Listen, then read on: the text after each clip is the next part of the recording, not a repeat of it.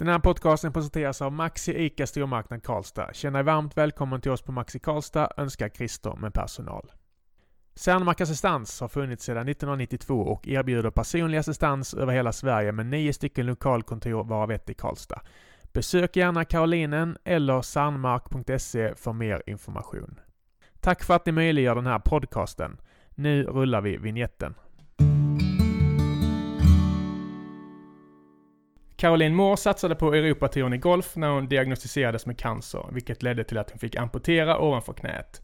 Hon gav dock inte upp sina drömmar och bara två månader efter operationen gjorde hon comeback i svenska mästerskapen för proffs på ett ben. Hennes minst sagt inspirerande resa fick stort genomslag världen över och nu är hon med på listan över våra 100 populäraste föreläsare. Välkommen hit Caroline! Tack så jättemycket! Var det en någorlunda rättvis och eh, schysst presentation eller? Åh, det var ju supersnyggt! Ja. Tack så jättemycket! Och eh, vi ska försöka att berätta vad vi har gjort idag och vi har varit med på en inspirationsdag ute på Hammarö GK. Du har varit med och träffat mina handigolfare. Ja, Hur var den upplevelsen tycker du? Jag tyckte att det var jätteroligt. Ja. Jag älskar att träffa människor. Ja. Och eh, oavsett om det är handigolfare eller om man ska säga ja, men juniorer överlag eller människor på olika platser så är det ju det personliga mötet som blir så unikt med varje människa. Mm. Eh, så att det vi gjorde idag var ju att ja, men, att jag fick träffa dina handigolfare och berätta min resa. De delade sina frågor och nyfiket hur man kunde göra saker och ting på olika sätt och det tycker jag är jättegivande. Mm. Och du var dessutom nära att göra en hole-in-one inför våra ögon. ja! Vi skyller på de dressade greenerna här. Eh, om du lyssnar på detta Janne, så är det. Men innan vi går in på din resa så ska vi börja med lite snabbfrågor för att lära känna dig bättre. Ålder? 31. Född? Hur menar du född? Var, var är du född? jag är du född? i Karlstad. I Karlstad? Ja. Men du är uppväxt i Forshaga, visst är det så? Ja, det stämmer. Och då tänker så. jag på jakt och fiske och eh, Sveriges enda auktoriserade tomte tror jag, Inge. Inge det, är, det är Forshaga för mig. Alltså, hur, kom ja. du, hur kom du in på, på golfen?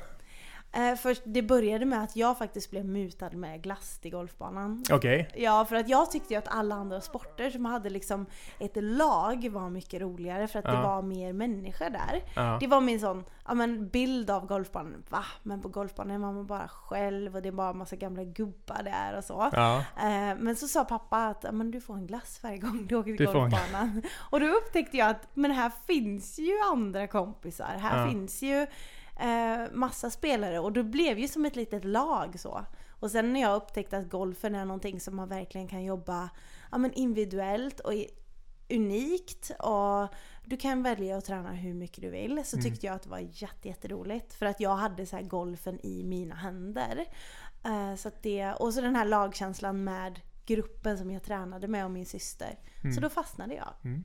Passar det dig att liksom styra ditt öde själv, alltså målmedvetet så. Ja. Det... ja. Jag älskar kombinationen såklart. Alltså lag, jag är jätte, jättemycket lagmänniska så. Mm. Men att just få ha man ska säga ansvar är ganska stort ord, men att just få ha liksom någonting i sina händer mm. och göra något utav det, det, det driver mig. Det är många golfare som har berättat samma historia. Att, mm. att det är skönt att, att, att ha kontrollen liksom så. Mm. Har du någon udda talang? Oj! Ja, alltså jag vet inte om det är så udda men jag älskar att laga riktigt, riktigt så här fin och bra mat. Okej. Men det är kanske ingen udda talang. Jo, det är väl ganska sällsynt numera. Alltså vad är det sådär, vad har du någon eh, paradrätt sådär?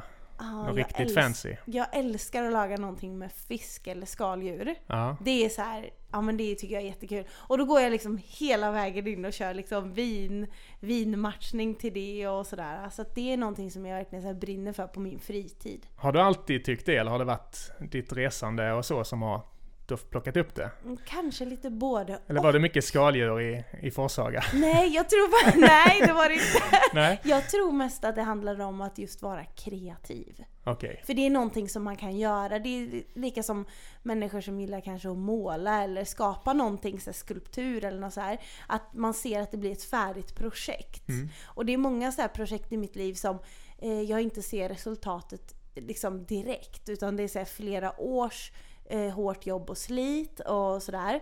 Och så ser man det liksom efter en, ett tag. Ja. Men just med matlagning ser du det direkt. Alltså, Skönt att få ett avslut. Ja! eller 30 minuter eller en timma. Och så har du liksom din rätt. Och jag gillar det momentet, att du kan skapa något. Jag förstår. Mm. Ja, det kanske vi går in på nästa fråga. Men det här vet inte så många om mig. Vad har du inte berättat om i alla dessa intervjuer ja, genom åren? Ja, vad har jag inte berättat om? Det finns såklart väldigt, väldigt mycket jag inte ja. har berättat om. Men finns det något du man, kan berätta om?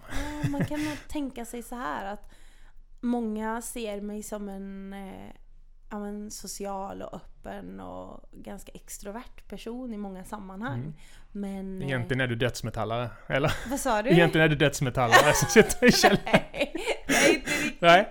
Men eh, ja men någonting som förvånar ganska många människor när jag berättade för dem är att jag är ganska introvert okay. i min natur. Mm. Uh, och uh, jag tror att det kan nog så här förvåna människor. Och sen fortfarande är jag varje gång inför en föreläsning eller när jag ska upp på scen, vilket jag gör idag, mm. föreläser, så är jag skitnervös. Fortfarande? ja, varje gång. Okay. Det går liksom inte en enda gång när jag inte är nervös, men jag tar det som ett bra tecken på att okej, okay, jag vill verkligen att det betyder ge, något? Ja, jag vill, nej, jag vill verkligen leverera värde till de mm. som lyssnar. Mm. Det är så fint att de har tagit sig tid och liksom sitter där och så är det ju. lyssnar. Ja. Men du har, du har gjort några hundra genom åren ja, eller? Det har jag. För jag vet när jag var mm. baskettränare, när man har haft några hundra träningar, ändå när, när man blåser i visselpipan och de samlas i mitten så fick jag alltid puls. Så gick det över två minuter senare, men det var alltid, det är också konstigt att det aldrig går över liksom. Mm, exakt. Ja. Det går ju över efter ett tag för mig med. Precis. Ja precis, men det mm. betyder att, att, att det betyder något för dig liksom så.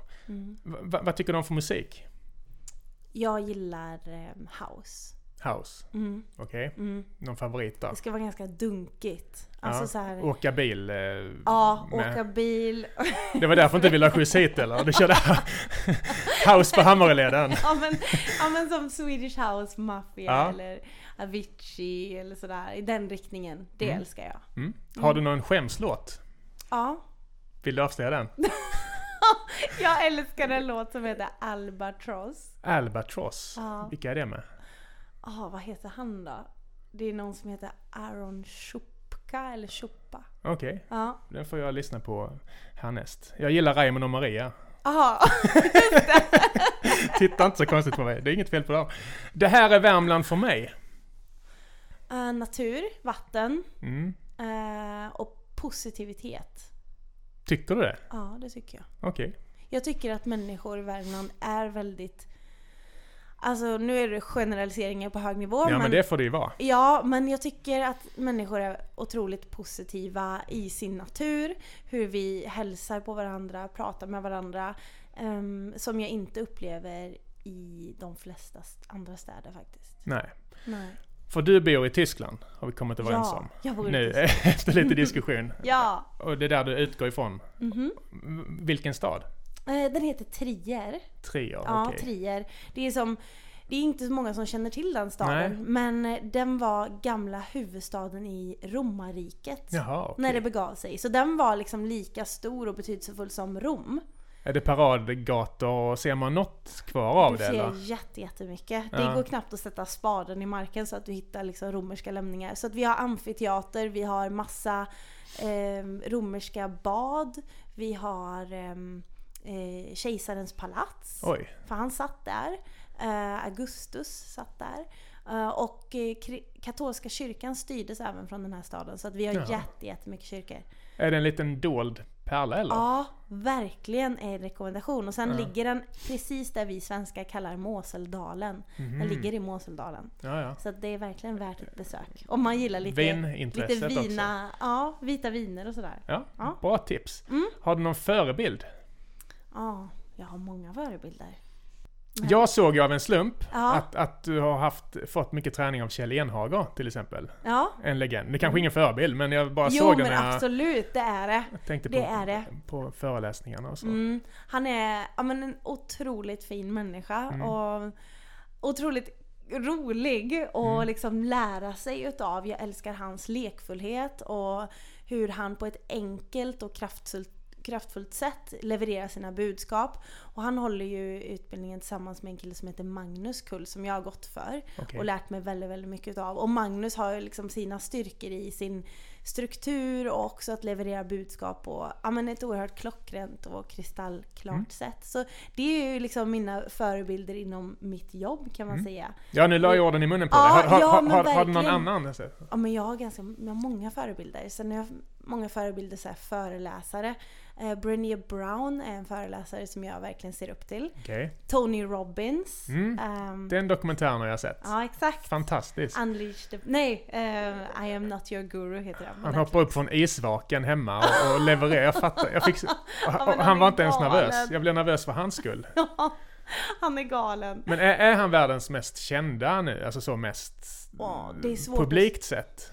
Han är till och med Netflix Ja, det är till och med Netflix. Men han är ju så här, han är ju otroligt spektakulär mm. och jag tror det är det som gör att han är väldigt intressant för just Netflix att göra en sån dokumentär ja. utav det. Sen vet jag inte om det är någon annan sån motivationscoach eller coach överlag, livscoach, som gör sådana eh, stora konferenser som just Tony Robbins gör. Men det finns ju väldigt, väldigt många andra mm. eh, livscoacher som, som är väldigt, väldigt bra också. Men jag gillar Tony. Han var ju fantastisk, han gick ju rätt genom rutan liksom. Ja. ja. Är...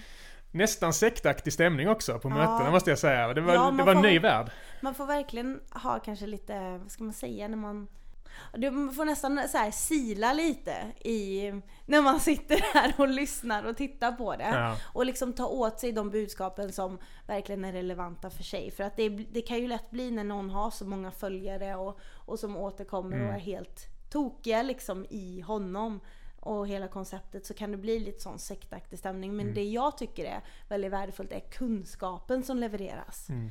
Så det är ju en förebild. Sen älskar jag även en annan förebild och det är Rachel Yoga Girl. Ja, just ja, det. Som är typ jämngammal, ja. jämngammal med mig. Ja. Um, ja, hon tycker jag också är helt fantastisk. Mm. Varför då? För att hon är så grundad i sina budskap. Mm. Och sann. Och hon, liksom, hon visar ingen bullshit av att livet är bara helt ja, man ska säga, polerat hela tiden. Ja. Utan hon visar verkligen allt hon känner. Mm. Och får ju kritik för det också, att hon visar allt ofiltrerat. Men jag tycker att det är väldigt inspirerande. Hudlös. Ja. Då mår jag som bäst. När jag får krypa upp i soffan tillsammans med min man. Ja, okej. Okay. Vi bryter där. ja, men det är väl härligt. Uh, absolut. Uh, 2004 flyttade du hemifrån för att satsa på golfen. Mm. Du får säga till om det är faktafel här. Eh, du var 16 år då, visst var det så? Minns du känslan när du, när du packade väskorna liksom? Det är väldigt ungt. Jag minns inte känslan när jag packade väskorna, men jag minns när jag kommer med tåget. Och jag vet inte riktigt vilket håll jag ska gå till den här nya lilla staden Åtvidaberg. Du åkte, det ja, det var min nästa fråga. Du, du åkte till Åtvidaberg eller? Ja, jag var i Åtvidaberg. Okay. På golfgymnasium. Golfgymnasiet, ja. Så det var väl där min resa startade. mot att jag hade bestämt mig för att jag ville bli golfproffs. Ja. Mm. Då var det kanske inte ett så stort steg. Alltså det är klart ett stort steg att flytta hemifrån. Mm. Men det är inte så att du åkte direkt till USA. Det var ju fem år senare. Ja, exakt. Newberry, South Carolina har jag skrivit. Hette, hette colleget så? Ja, ja, det stämmer. Utvecklades ditt spel mycket där, eller hur?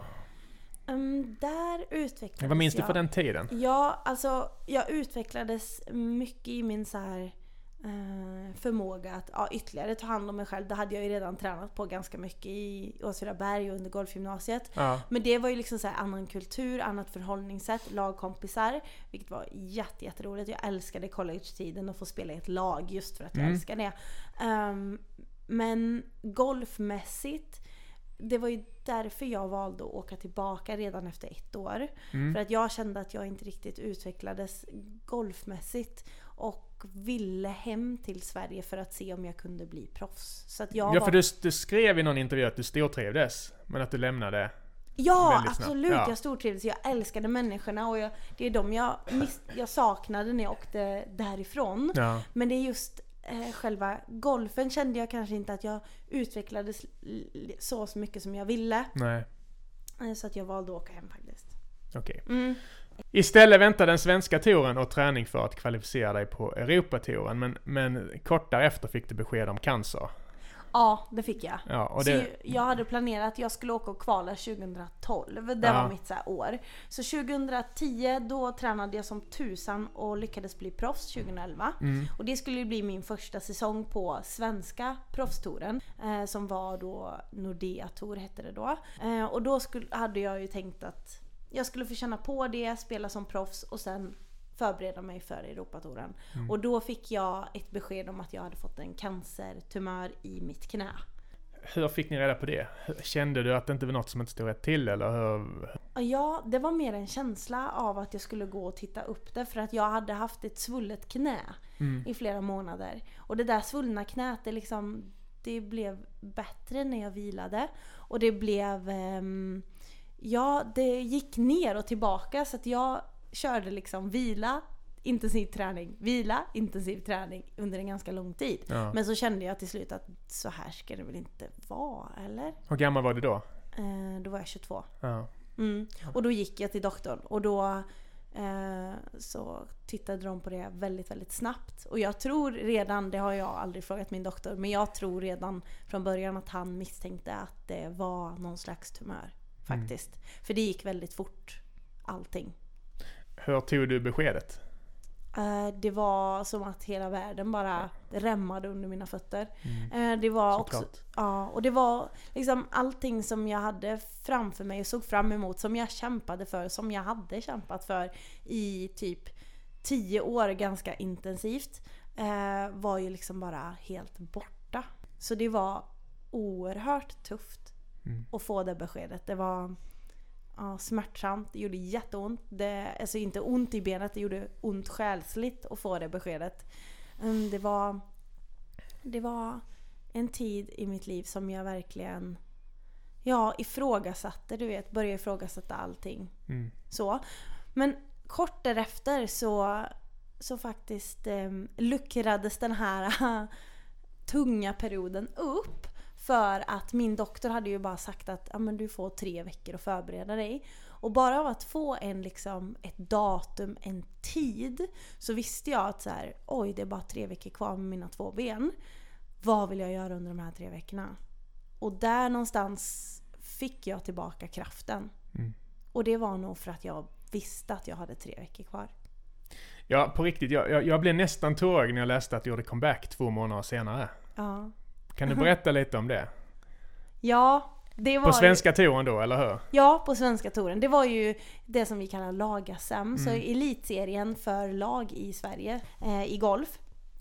Så att eh, jag bestämde ju mig där redan innan operationen att jag skulle fortsätta med allt i livet. Jag skulle inte låta mig stoppas av det här. Nej. Och satte upp det här galna målet två och en halv månad senare. Och det hade just liksom det var ett syfte med det målet och det var att det var en lagtävling. Känns som att jag upprepar mig hela tiden ja. men det är just någonting speciellt med att få göra någonting tillsammans med andra människor, bli stärkt av andra, få stärka andra. Uh, och det var det som drev mig att jag skulle tillbaka till den här tävlingen och spela där. Mm. Uh, och uh, jag hade ju inte tränat mycket under de där två och en halv månaderna efter amputationen. Jag menar jag låg ju på sjukhuset några veckor och kom tillbaka, hade ju inte alls mycket energi. Nej. Jag kunde ju vara vaken kanske typ en timme och sen behövde jag liksom sova för att återhämta mig. Men ja, två och en halv månader senare så satt jag där i lagbussen med Karlstad Golfklubb då. Så det var, det var så häftigt. Att det förstår jag. Och, och, det fick väl lite uppmärksamhet också, inte lite heller. Alltså det skrevs väl ganska mycket om det, eller missförstod jag? Jag, jag tror jag läste Nej. om att ISBN eh, benämnde det som nästan ett film, eh, filmmanus eller något, eller kanske, var, kanske ja, inte var då men... Det blev, det blev ju rätt uppmärksammat på ja. grund av att Sportspegeln gjorde ju ett reportage om det här målet som jag hade mm. redan innan tävlingen. Mm. Mm. Och sen så gjorde de ett reportage under tävlingen. Så att när jag går ner och ställer mig på första tee så står ju SVT med deras största kamera i bak baksvingen. Okej. ja, och det enda man tänkte på var bara missa inte bollen Nej. nu. ja, Hur gick det då? Det gick jättebra. Vi blev det vann. Ett, blev det ett bra utslag? Ja. ja. Vi vann ju den där tävlingen. Så att, ja, fantastiskt. Ja, så att det blev ju kan man säga som en... Eh, lite som att likna med lavinartad intresse av den här mm. comebacken i media. Och jag tror att de här, bi, de här reportagen bidrog mycket till det. Mm. Och då blev det väldigt mycket eh, intervjuer i tidningar, radio och TV. Och det gav, gav det kicken till att bli föreläsare så, eller har du alltid... Nej, nej. nej det var När föddes den idén? Det var inte på grund av det som det nej. gav kicken, utan jag började ifrågasätta vad som var viktigt för mig, vad jag tyckte var roligt, vilka mina grundvärderingar är och såklart att golfen passade in i den mallen. Mm. Eh, sen så kände jag att det som växte fram för mig var att få bidra till andra människor. Eh, och när jag berättade min historia för andra så fick andra kraft att ta itu med sin historia. För att man behöver inte ha gått igenom samma saker men du kan relatera till och du kan hämta kraft i någon annans historia. Mm. Eh, och då kände jag att det här skulle jag vilja ge tillbaka till alla människor som har hjälpt mig under min väg. Och då var det mer som ett intresse av att börja dela historien för att ja, ja, men, skicka vidare mm. i början. Och sen så blev jag väldigt, väldigt intresserad av att fortsätta utveckla det här. Mm. Och gå ännu djupare. Går det att sammanfatta vad du föreläser om? Jag vet ju att du har olika upplägg och sådär, men mm. går det att ringa in det hyfsat Ja, det gör det. Enkelt. Mm, det gör det. Jag föreläser mycket om mental träning. Mental träning och att Eh, just bli starkare mentalt för att ta sig tillbaka från utmaningar som händer i livet och förändringar vi står inför. Sen föreläser jag om mod, att just våga ta beslut eh, och eh, förbereda sig mentalt och fysiskt för olika saker. Laganda är en väldigt stor del i mina föreläsningar också. Så det finns ju olika inriktningar på föreläsningen beroende på var den här publiken befinner sig. Befinner de sig inför något, under något eller efter någonting så behöver de ju olika saker. Så att jag föreläser mycket om det då. Mental mm. träning, mod, motivation och lag. Och det är även alltså företag och alltså, så ja. du, du anpassar beroende på vilka som... Exakt, jag anpassar. Vad är det vanligaste jobbet du har? Alltså så, vad är det vanligaste uppdraget inom föreläsningen? Vanligaste är en en timmars föreläsning på en kick-off eller konferens mm. för ett företag. Och det kan vara så här en uppstart inför någonting eller ett höstmöte eller ja, en sammankomst av personalen som oftast företag har ett eller två gånger per år. Mm. Så är det, då vill de ha, liksom, de vill ha liksom en kick och energi. Peppen. Och, ja, peppen. Att ja, men, ta itu med någonting eller fortsätta liksom, uppmärksamma det de redan gör bra. Så det, det brukar vara mina vanligaste uppdrag. Sen nu har jag även börjat med, vilket är jätteintressant, att få följa företag under en längre tid. Okay. För en föreläsning är ju så en stor energiinjektion. Mm. Och man kan se det som, min mentor brukar säga, det är som att ta liksom en stor vitaminburk. Mm. När du tar den så får, känner du dig full med energi och inspirerad. Knock upp på morgonen. Ja, men liksom redo att gå. Men du behöver ju ta själv ett ansvar sen för att implementera din kunskap. Mm. Så jag har även nu börjat och Eh, erbjuda och gör från och med förra veckan. Börja följa företag under en längre tid. Spännande. Ja, hjälpa dem med implementeringsprocessen och sen följa upp hur går det? Vad upplever vi att det finns för hinder framöver? Eller vilka resurser upptäcker du under den här processen som du inte har sett förut? Och det är otroligt spännande. Ja. Mm. Hur mår du uppe på scen? Det måste vara en jäkla kick att känna om man når fram jag till dem eller? Älskar att vara på scen. Ja. Alltså det är den stället jag trivs typ nästan allra bäst. Ja. Förutom den med soffan då. Precis, förutom soffan. nej, nej men jag älskar att vara på scen. Ja. Um, och... Har du alltid gjort det? Nej, det har jag inte. Eller jag vet inte. För du vet ju jag de där listorna som svenskarna har. Vad, vad, vad är du uh. mest rädd för? Stå på scen ett, stå på scen, två, dö. Ja, jag vet. Alltså, det, jag vet. Alltså jag vet. Jag tror nog, ja, när jag tänker efter, att jag har alltid älskat att vara på scen. Sen så har det varit en, en stor rädsla från början. Mm. Alltså det, var, det är inte självklart att bara ställa sig på en scen framför 200 människor. Du har inte en aning om vilka människor det här är. Nej. Var kommer de ifrån? Vad har de med sig i sitt bagage? Eh, det, är liksom, det är en ganska onaturlig situation att ställa sig där. Men den rädslan har liksom övergått till en mer exalterad känsla. Faktiskt. Det förstår jag. Ja. Och, och, man får ju mer och mer självförtroende också. Det är ju bättre om man är på något, såklart. Alltså vad, vad, vad vill du att de ska få ta med sig efter en föreläsning? Är det just den här peppen och att allt är möjligt eller så, eller hur? Ja, energin. När man har fått en dos Caroline. Ja, du ska få, hur ska man känna sig då? Du ska känna dig energifull, full med motivation och har fått nya perspektiv. Mm. För i mina föreläsningar så blir du också utmanad i ditt sätt att tänka och agera. Så min, mitt syfte med föreläsningar är att det ska ske ett skifte, en förändring. Någonting som, som, som liksom eh, transformerar sig efter den här föreläsningen. Så jag vill att man ska få med sig liksom en liten sån här perspektivförflyttning. För att jag utmanar ju alla mina eh, åhörare när jag liksom säger att det här med att förlora mitt ben mm. är det bästa förändringen som har hänt i mitt liv. Mm. Uh, och den tanken kan ju vara väldigt ovan för många. Och den kan också vara ja, van för många beroende på hur man själv har jobbat med sina olika saker. Är vi för dåliga på att hitta kraft i motgångar? Jag vet inte om vi är för dåliga med att hitta kraft i motgångar. Jag tror mer att det handlar om att... Enkel ibland, fråga va? Ja men ibland så, ibland så kanske vi blir lite blinda för vilka möjligheter som faktiskt finns i varje situation. För att det är ju där det, är där det finns. Och det utmanar jag mina, eh, mina åhörare att hitta. Hitta möjligheterna i varje situation. För varje situation har någonting att erbjuda. Någonting att ge. Och det kan vara otroligt tufft, utmanande och svårt att inte se det i början när det är någonting som slår ganska hårt mot oss. Mm. Jag ser fram emot, vi, det kan vi ju säga nu, eh, att jag kommer att bjuda in dig igen till våren. Vi ska ha lite läger här ute med handegolf. För det är väldigt internt, men, men eh, vi kan ju säkert lösa så att de som vill komma och lyssna då, även om man inte är handegolfare, kan komma hit. Så det vore kul att, att försöka fixa det. Och, och jag vet att du skriver på en bok också. Är det något du vågar prata om? Ja, det, det vågar jag absolut! Eh, ja. Hur långt har du kommit och vad handlar det om? Jag är ju i princip klar.